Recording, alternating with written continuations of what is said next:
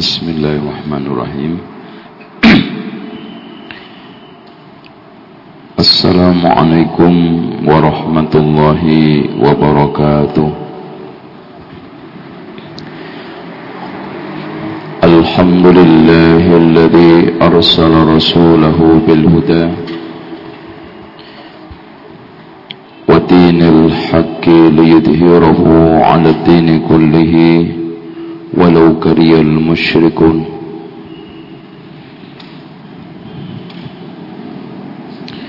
أشهد أن لا إله إلا الله وحده لا شريك له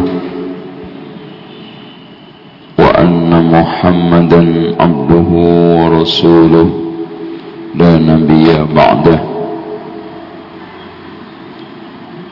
وأصلي وأسلم على هذا النبي الكريم محمد صلى الله عليه وسلم المبعوث رحمة للعالمين Ikhwas sekalian uh,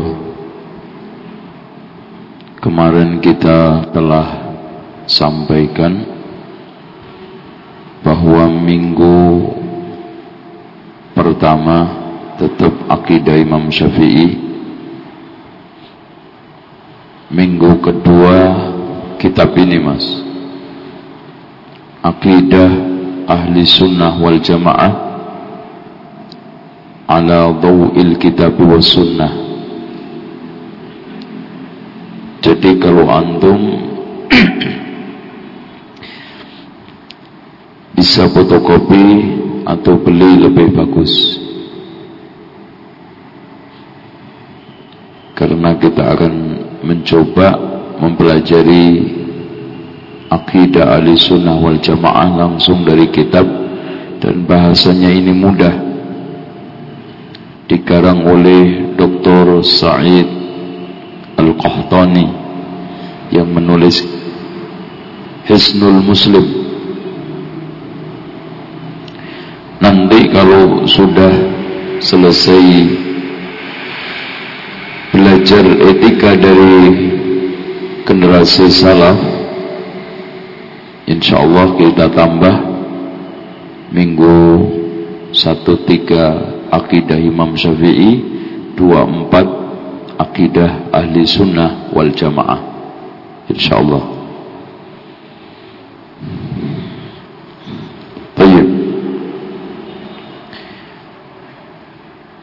Sekarang kita akan membahas iman bisa bertambah dan berkurang.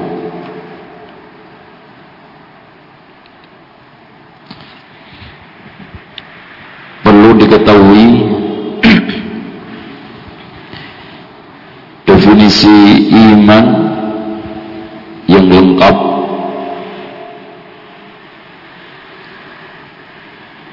sebagaimana yang telah ditegaskan oleh Imam Ash-Syafi'i Imam Malik Imam Ahmad dan juga Al-Auza'i serta seluruh ahlul hadis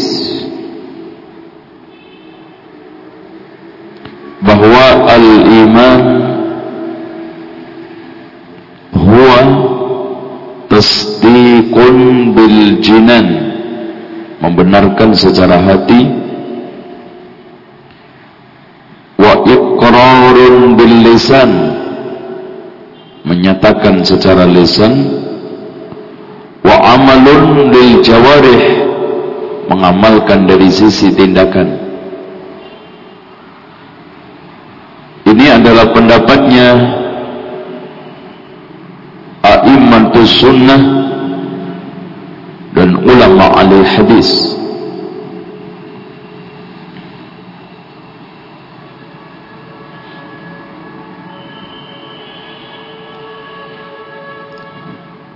Berbeda dengan Maturidiyah yang mengatakan bahwa al-iman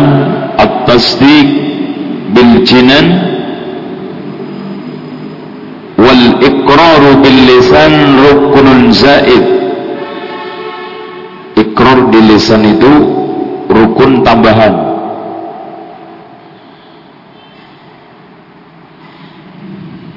Berbeda lagi dengan karramiyah yang hanya mengatakan al-iman lisan faqat. Pengakuan di dalam lisan saja.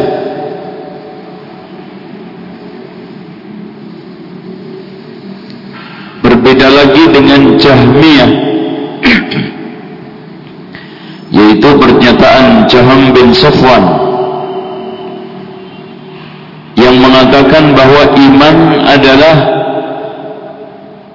ma'rifatun bil qalbi. Ma'rifat secara hati.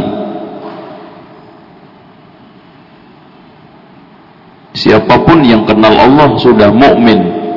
Kamilul iman. Berarti termasuk Fir'aun. Mukmin kamilul iman. Iblis mukmin kaimani Jibril imannya iblis seperti imannya Jibril.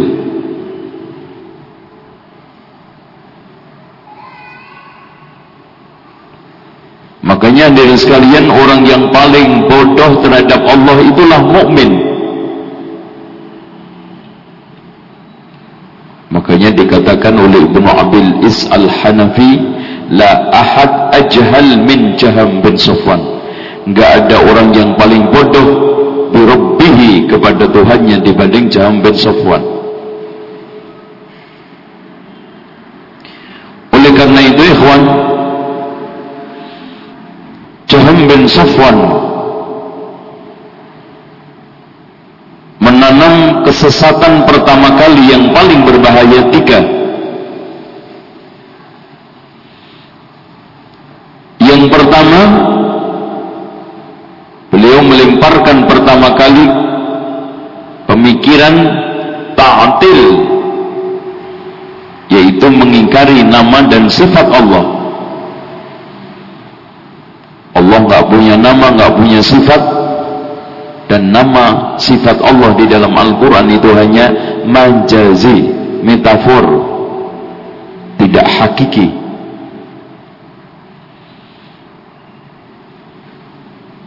Kemudian yang kedua, Jabr. Dialah yang pertama kali menggulirkan dan memasarkan pemikiran Jabriyah bahwa manusia dipaksa oleh takdir.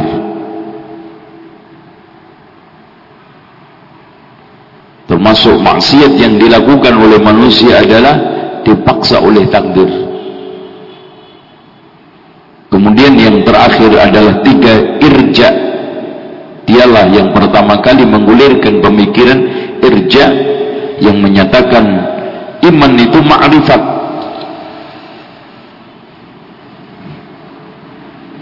Artinya siapa yang kenal Allah mukmin. Yang menjadi pertanyaan siapa yang nggak kenal Allah? Iblis pun kenal Allah, iya enggak?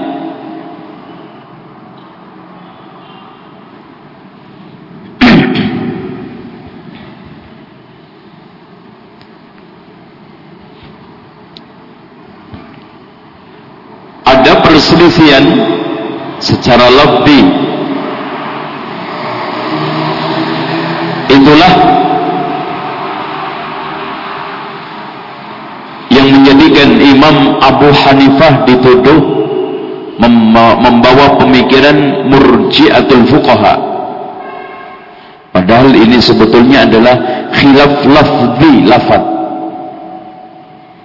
di mana dari kalangan Hanafiyah yang disebutkan di dalam kitab Tahawi iman itu al-iqraru bil lisan wa tasdiqu bil jinan. Titik. Iman adalah al-iqraru bil lisan pengakuan dalam lisan wa tasdiqu bil jinan membenarkan secara hati tidak menyebutkan amal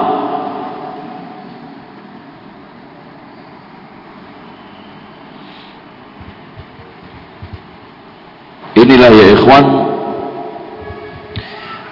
terjadi polemik yang sangat sengit.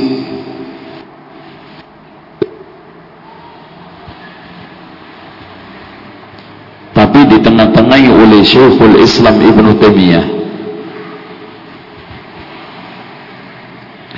Qala Syekhul Islam Ibn Taimiyah fi Kitabil Iman Majmu' Fatawa. Juz 7 halaman 297 wa mimma yanbaghi ayyu'lam sesuatu yang wajib kita ketahui bersama. Anna aksar tanazu' baina ahli sunnati fi hadhihi al-mas'alah polemik di kalangan ahli sunnah wal jamaah dalam masalah definisi iman niza'un lafzi hanya polemik definisi lafaz. Wa illa fal qailuna bi anna al iman qaulun min al fuqaha karena apa? Mereka yang berpendapat bahwa iman adalah ikrarun bil lisan wa tasdiqun bil jinan muttafiquna ma'a jami'i ulama'i sunnah bersepakat bersama ulama ahli sunnah ala anna ashabad dunub dakhiluna tahta dhammi wal wa'id. Siapa pun pelaku dosa besar berhak mendapatkan ancaman. Berarti apa mas kesimpulannya amal bagian dari iman. Buktinya ketika tidak beramal kena ancaman. Sama. Gak ada seorang pun atau gak mungkin Imam Abu Hanifah mengatakan siapa yang gak sholat gak apa-apa. Siapa yang ber, berzina gak apa-apa. Tetap Imam Abu Hanifah mengatakan bahwa orang yang berzina mencuri tetap mendapatkan sanksi. Kalau memang mendapatkan sanksi, imannya kurang karena perzinaan, imannya kurang karena pencurian. Berarti berzina, mencuri, kurang mengurangi iman. Sehingga amal bagian dari iman otomatis.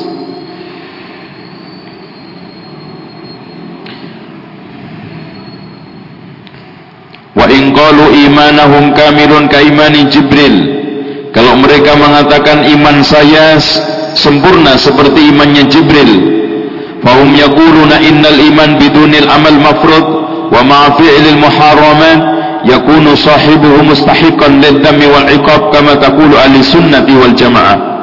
Semuanya mereka mengatakan iman tanpa amal yang wajib diamalkan atau iman disertai dengan melakukan perkara-perkara yang haram maka pelakunya berhak untuk dicela dan berhak mendapatkan sanksi. Seperti yang diucapkan oleh ahli sunnah nggak ada bedanya. Sama Artinya iman kalau tidak dibarengi dengan melengkapi amal-amal yang wajib, maka imannya kurang. Atau iman kalau dibarengi dengan melakukan perkara-perkara haram, imannya kurang. Sama. Berhak untuk mendapatkan celaan dan sanksi. Walladzina yunfuna 'anil fasik ismal iman min ahli sunnah.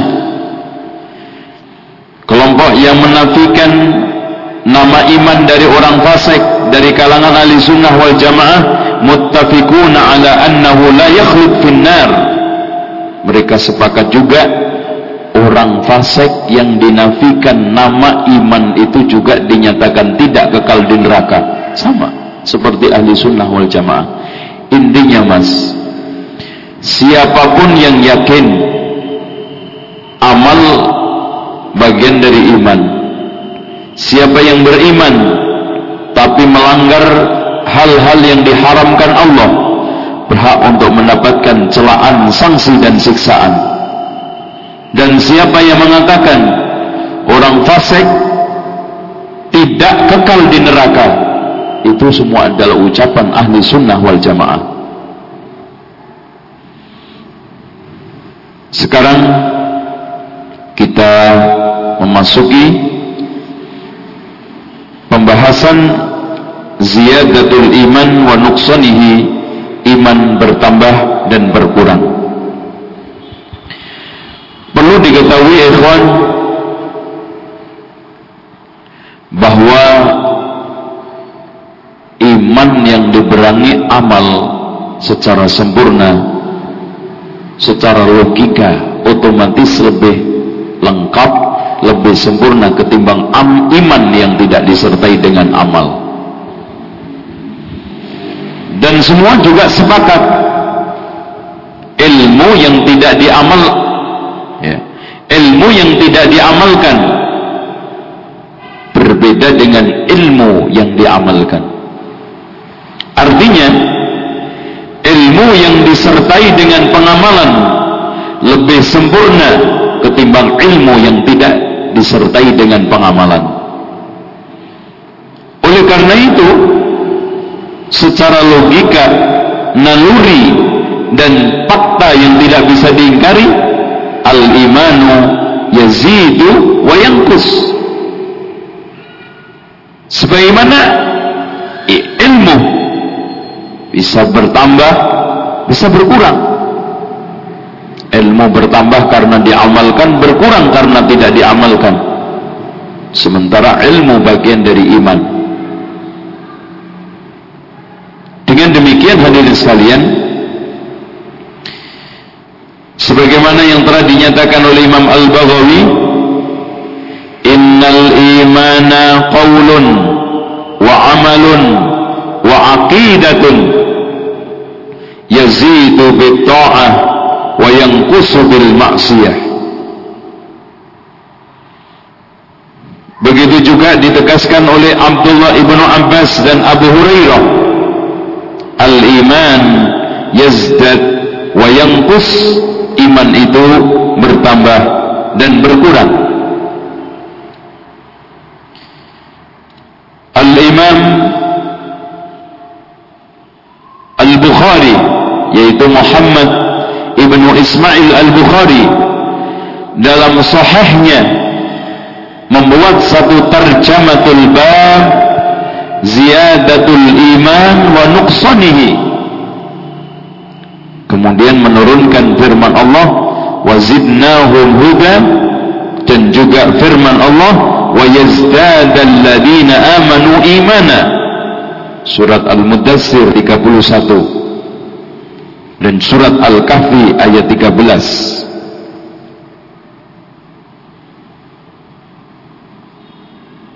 oleh karena itu Ibnu Abdul Bar mengatakan yaitu Abu Umar Ibnu Abdul Bar ajma'a ahlul fikhi wal hadis.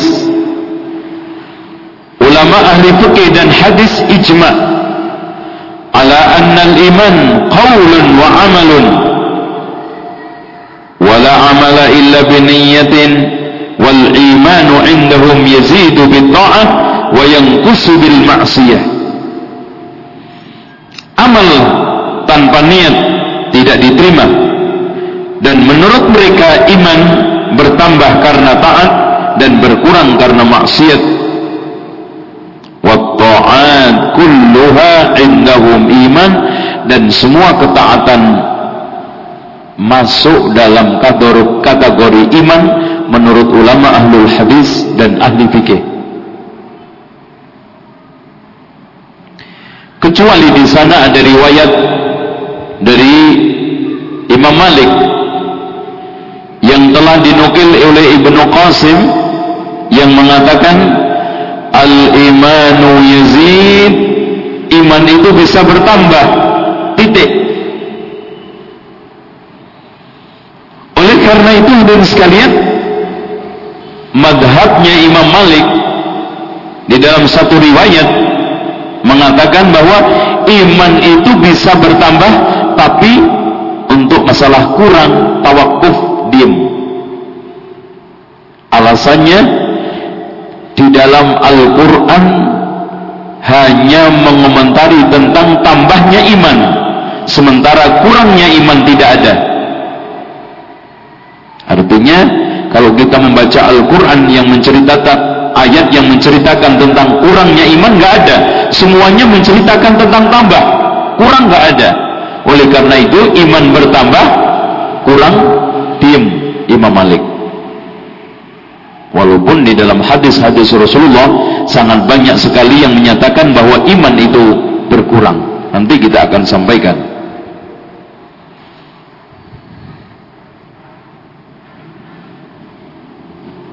Hadirin sekalian oleh karena itu Syekhul Islam Ibn Taimiyah mengatakan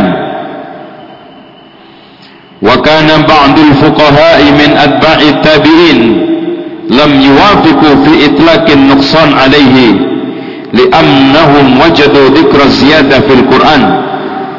Oleh karena itu sebagian ahli fikih dari kalangan tabi'in tidak setuju pernyataan iman itu berkurang.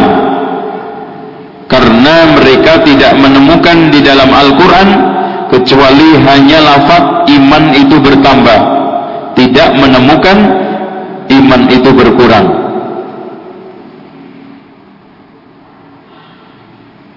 Walaupun ahli sunnah wal jamaah tadi sudah saya katakan sepakat bahwa iman yazidu bitta'ah wa yanqusu bil maksiyah. Dalil-dalil bahwa iman itu bertambah dan berkurang.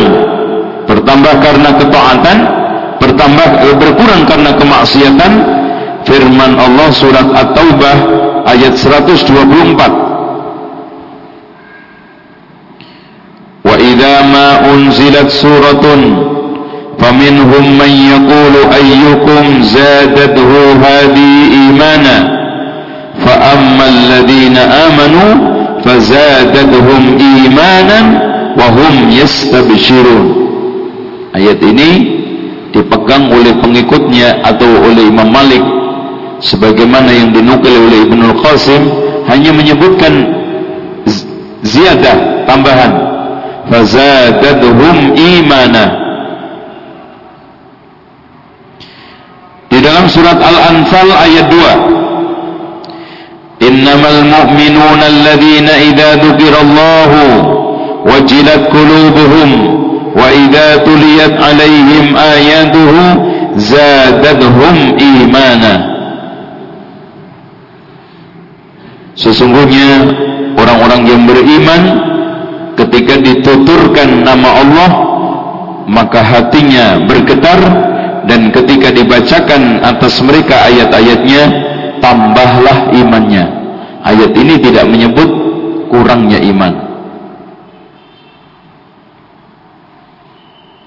Surat yang ketiga yaitu surat Al-Mudathir ayat 31 alladhina utul kitab wa yazdada alladhina amanu imana di sini juga Allah menegaskan hanya tambahnya iman tidak ada kurangnya. Namun hadirin sekalian itulah kalau kita hanya mengandalkan Quran saja tidak pakai sunnah. Sementara di sunnah sangat banyak sekali hadis-hadis Rasulullah yang menyatakan kurangnya iman. Di antaranya hadis seorang perempuan. Rasulullah mengatakan, "Ma ra'aitu min naqisati aqlin wa dinin adhab lil lubbir rajulis sa lil lubbir lillubbir rajulil hazim min ihdakunna katanya Rasulullah saya tidak pernah melihat orang yang paling kurang akalnya dan agamanya yang menghilangkan kesadaran akal sehat laki-laki yang bagus dibanding kalian wahai wanita. Makanya wanita dinyatakan oleh Rasulullah naqisatu aqlin wa dinin kurang akalnya dan kurang agamanya.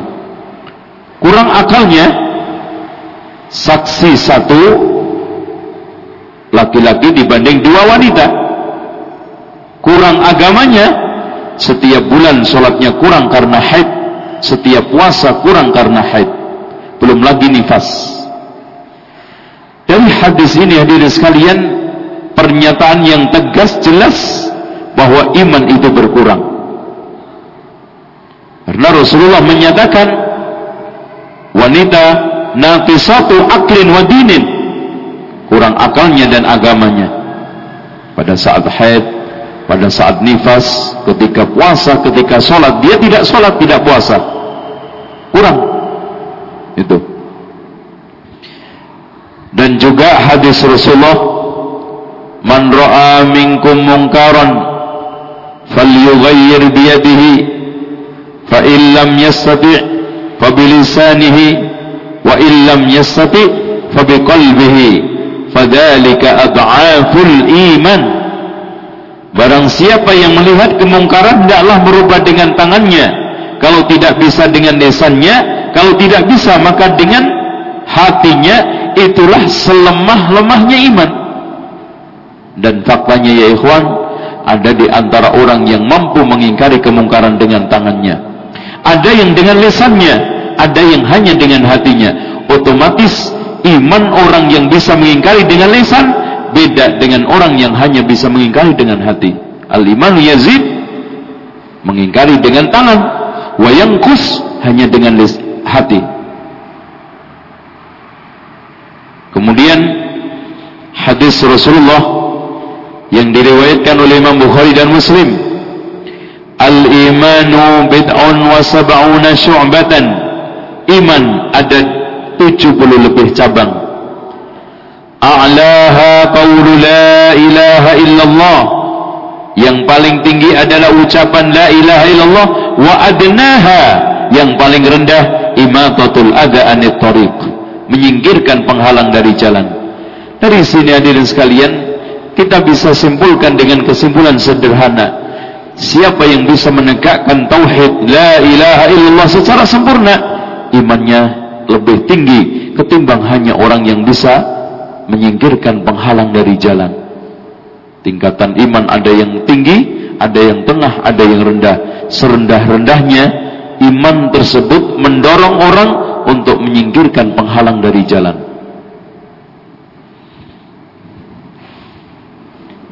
Sekarang saya akan turunkan dialog dari Imam Ash-Syafi'i.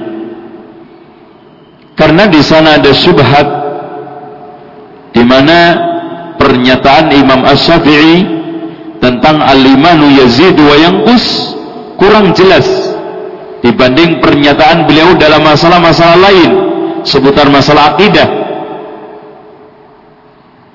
Pernyataan Imam Syafi'i kurang. Entah mungkin sanatnya yang lemah anggapan mereka atau tidak ada penukilan yang sorih yang jelas. Namun hadirin sekalian pernyataan ini dibantah.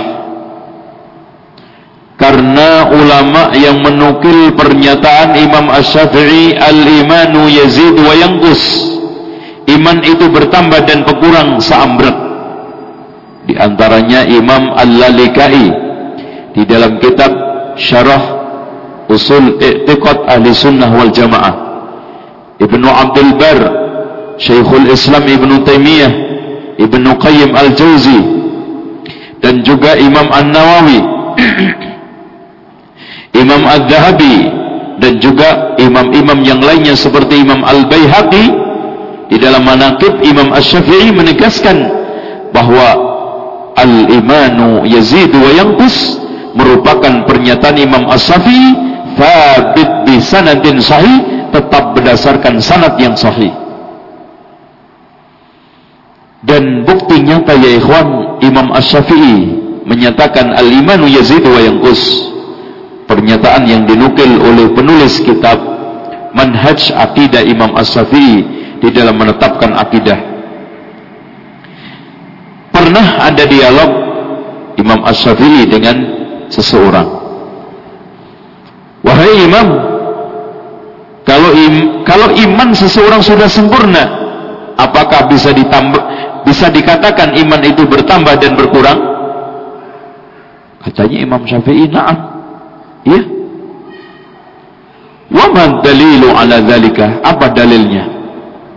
Dia mengatakan, Allah mewajibkan iman pada seluruh anggota tubuh. Mewajibkan pada hati, mewajibkan pada lisan, mewajibkan pada telinga, mewajibkan eh, mata, telinga, tangan, kaki dan tolong dicamkan. Iman yang diwajibkan Allah pada hati tidak diwajibkan atas lisan. Yang wajib atas lisan tidak wajib atas mata yang wajib atas mata tidak wajib atas telinga. Yang wajib atas telinga tidak wajib atas tangan dan kaki. Contoh sekarang. Allah mewajibkan iman atas hati. Surat An-Nahl ayat 106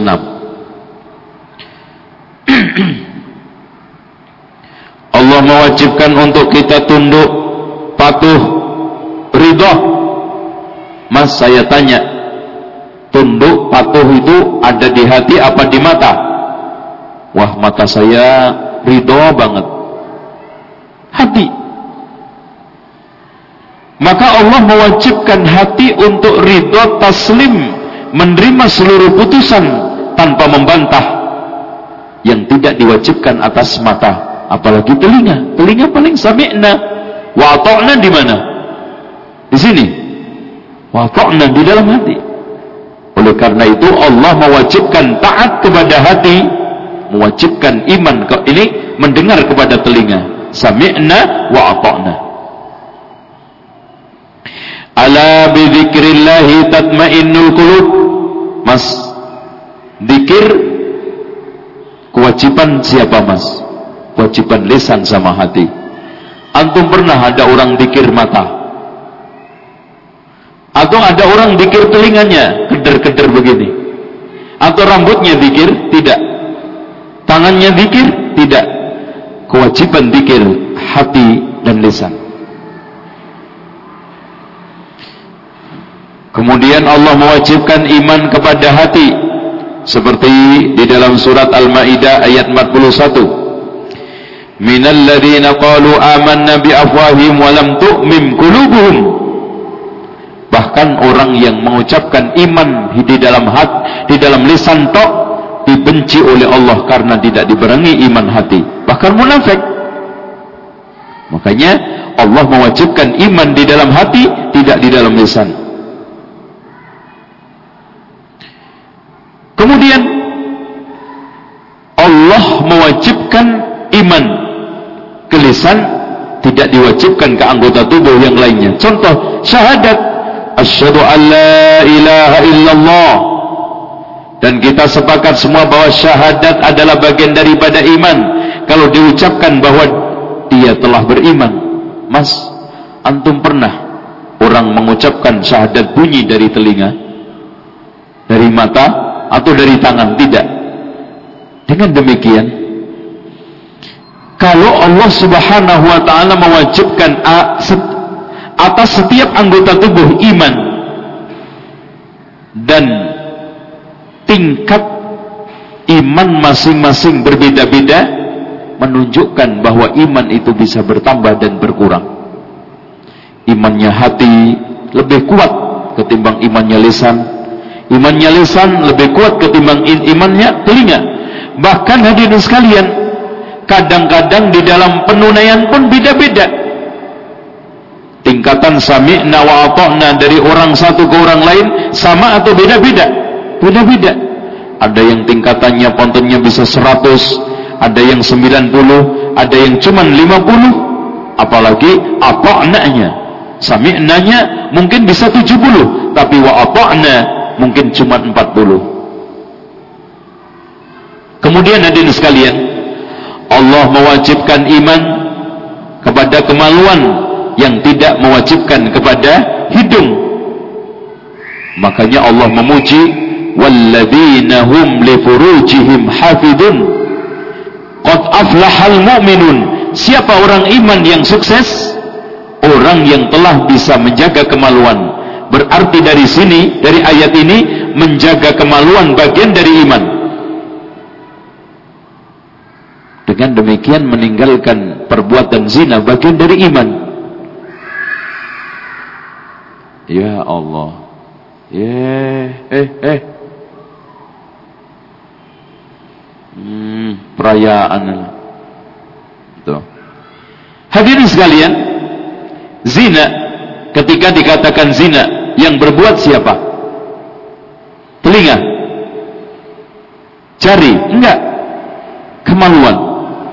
Makanya ketika kemaluan tidak berzina, maka dia telah menjauh dari perbuatan yang dimurka oleh Allah, maka telah dinyatakan qad aflahal mu'minun. Dengan demikian, masing-masing anggota tubuh ditetapkan oleh Allah keimanannya masing-masing dan dalam melaksanakan tingkatannya beda-beda.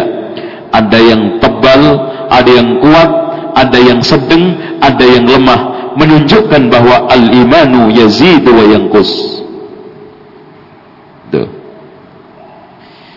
Dari sinilah ikhwan.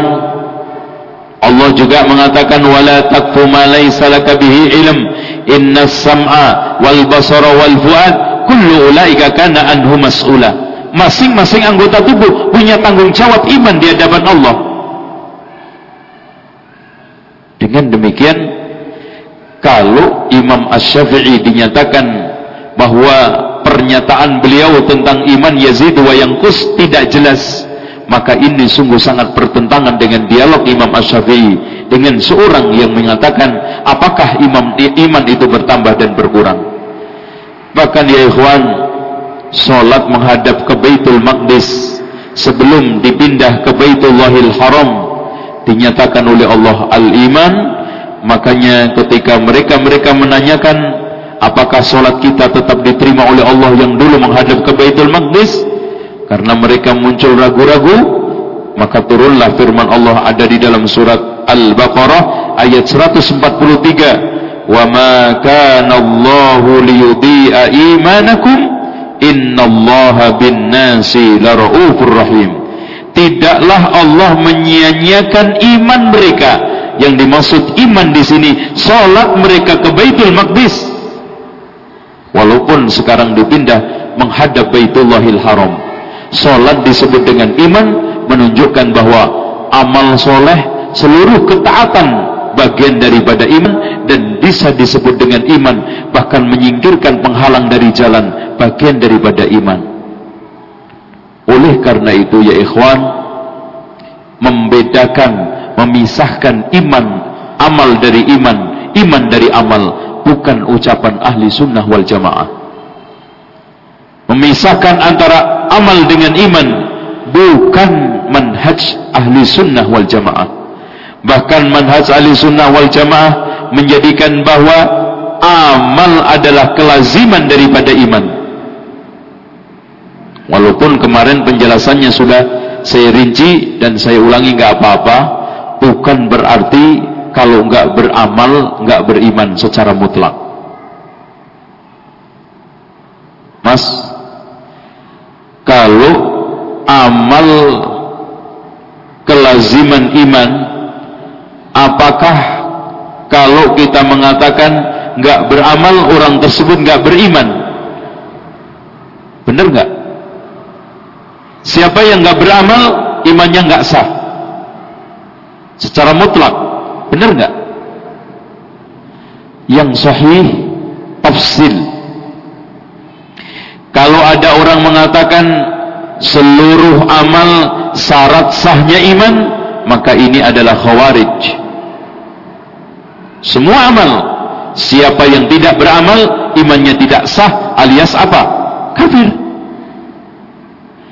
Tapi siapa yang mengatakan seluruh amal bukan syarat sahnya iman, maka di sini murjiah. Yang sahih ahli sunnah wal jamaah tengah-tengah. Ada sebagian amal yang menjadi syarat sahnya iman, ada yang sebagian amal menjadi syarat sempurnanya iman. Apa perbedaan sah dengan sempurna? Kalau sah dan tidak sah berarti kalau tidak beriman, kalau tidak beramal, imannya tidak sah alias kafir. Tapi kalau tidak sempurna, artinya kalau tidak berim, kalau tidak beramal masih mukmin tapi naqisul iman, imannya kurang. Itu perbedaan. Contoh sekarang syahadat. Siapa yang tidak bersyahadat mengingkari syahadat kafir. Siapa yang syirik kafir. Man mata wa yusyrik billahi syai'an dakhalan nar. Barang siapa yang mati menyekutukan Allah walaupun sedikit masuk neraka. Innallaha la yusyriku innallaha la yaghfiru ayyushraka bihi wa yaghfiru ma duna dzalika liman yasha. Allah tidak akan mengampuni dosa syirik dan mengampuni dosa-dosa yang lainnya. Kekal. Makanya siapa yang tidak bertauhid maka imannya tidak sah. Tapi hadirin sekalian, Siapa yang tidak puasa? Siapa yang tidak sodakoh? Siapa yang tidak berbuat baik kepada orang tua? Apakah kafir? Mas, di dalam hadis Rasulullah dikatakan la yu'min, la yu'min, la yu'min. Tidak beriman, tidak beriman, tidak beriman. Man la ya'man jaruhu bawaikahu. Siapa yang tetangganya tidak merasa aman Apakah makna tidak beriman di sini imannya tidak sah atau imannya tidak sempurna? Otomatis tidak sempurna. Siapa yang mengatakan iman tidak sah berarti siapa yang tidak berbuat baik kepada tetangga kafir. Terus Terus Rasulullah juga mengatakan la yu'minu ahadukum hatta akuna ahabba ilaihi min walidihi wa waladihi wan nasi ajma'in. Tidaklah di antara kalian beriman sehingga dia lebih aku ketimbang mencintai bapaknya, anaknya dan seluruh manusia. Apakah la yu'min di sini hadirin sekalian tidak sah imannya? Tidak. Bahkan tidak sempurna. Contoh masih banyak sekali tentang penafian Allah terhadap iman bukan berarti dinafikan total tidak sah. Ada sebagian amal yang kalau tidak ada menyebabkan tidak sah iman, ada sebagian menyebabkan tidak sempurna iman. Dengan demikian, madhab ahli sunnah wal jamaah tafsil tengah membedakan antara sebagian iman ada yang menjadi syarat sah sebagian iman ada yang menjadi syarat sempurna. Kalau semua dianggap syarat sah, berarti khawarij. Kalau semuanya tidak dianggap syarat sah, nggak ada. Pokoknya nggak perlu amal, nggak ada kaitannya dengan iman, maka ini adalah kaulnya murjiah ahli sunnah wal jamaah tadi. Inilah yang bisa saya sampaikan tentang al-imanu yazidu wa yanqus dan uh, kesimpulan ringkasnya madhab ahli sunnah wal jamaah dari kalangan ulama ahlu fikih dan hadis menyatakan dengan tegas al-imanu yazidu wa yanqus. Yazid tambah dengan taat berdasarkan ayat-ayat yang ada di dalam Al-Quran. Kurang karena maksiat berdasarkan yang ada di dalam hadis-hadis Rasulullah. Dan termasuk ulama yang menyatakan dengan tegas iman Yazid wa yang us adalah Imam Ash-Syafi'i. Berdasarkan dalil-dalil fakta-fakta yang telah saya sampaikan yang telah dinukil oleh ulama-ulama besar di antaranya Imam Al-Lalikai, Ibnu Abdul Bar, Al-Baihaqi dan juga Ibnu Taimiyah, Ibnu Qayyim dan ulama-ulama yang lainnya menukil dengan sanad yang sahih bahwa Imam Ash-Syafi'i menegaskan al-imanu yazidu bit-ta'ah wa yanqus bil ma'siyah. Ya ikhwan, sambil nunggu pertanyaan antum, saya akan jawab pertanyaan yang ada di tempat saya. Ada yang bertanya soal masalah hadis. Saya ringkas saja walaupun pertanyaannya banyak hadis Abu Sa'labah Al-Khushani yang nanti Rasulullah sallallahu alaihi wasallam menggambarkan sabarnya umat ini di dalam memegang sunnah seperti memegang bara api. Orang yang mengamalkan sunnah pada zaman itu mendapatkan pahala 50 dari kalangan sahabat. Pertanyaan ikhwah ini bukankah di dalam hadis Rasulullah telah ditegaskan khairun nasi qarni summal ladina yalunahum summal yalunahum artinya setelah sahabat tidak akan ada mungkin manusia yang lebih utama dari sahabat ya ikhwan memang di kalangan ahli sunnah wal jamaah ada perselisihan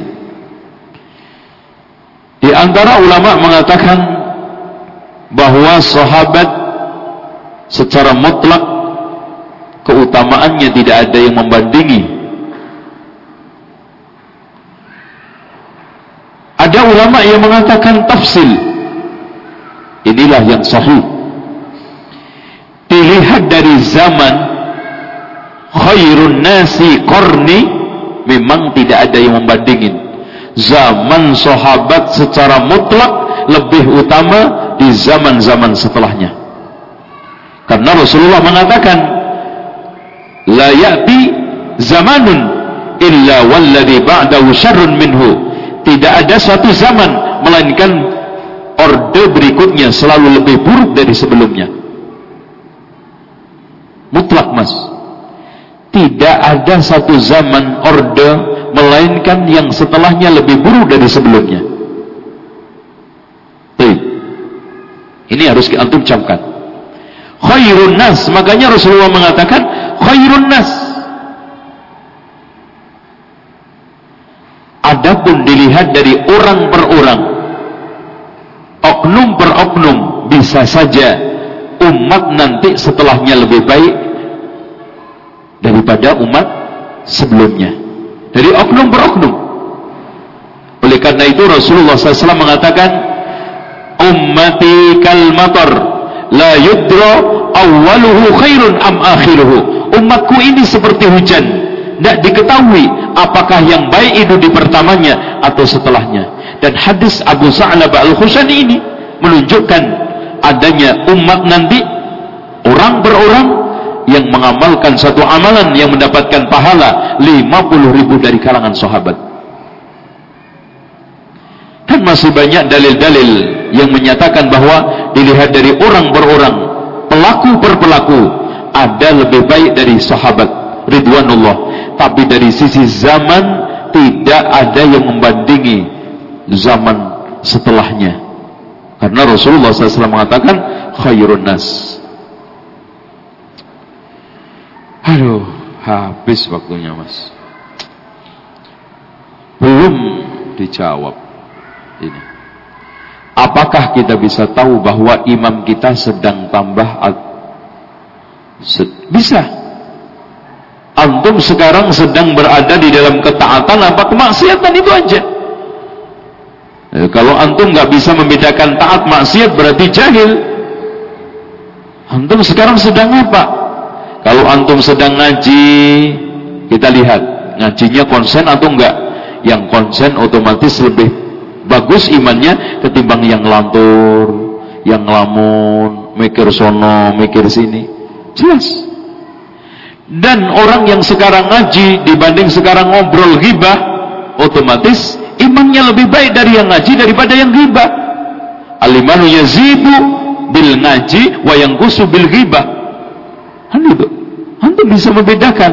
Antum sekarang kondisinya dalam keadaan apa?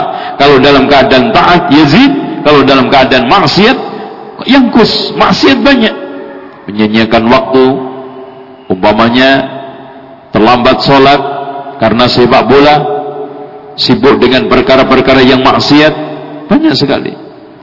Ini kita bisa mendengarnya. Satu lagi.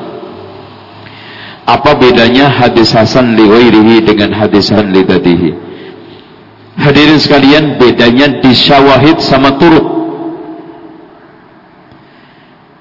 hadis hasan lidatihi ya itu aslinya sahih li ghairihi.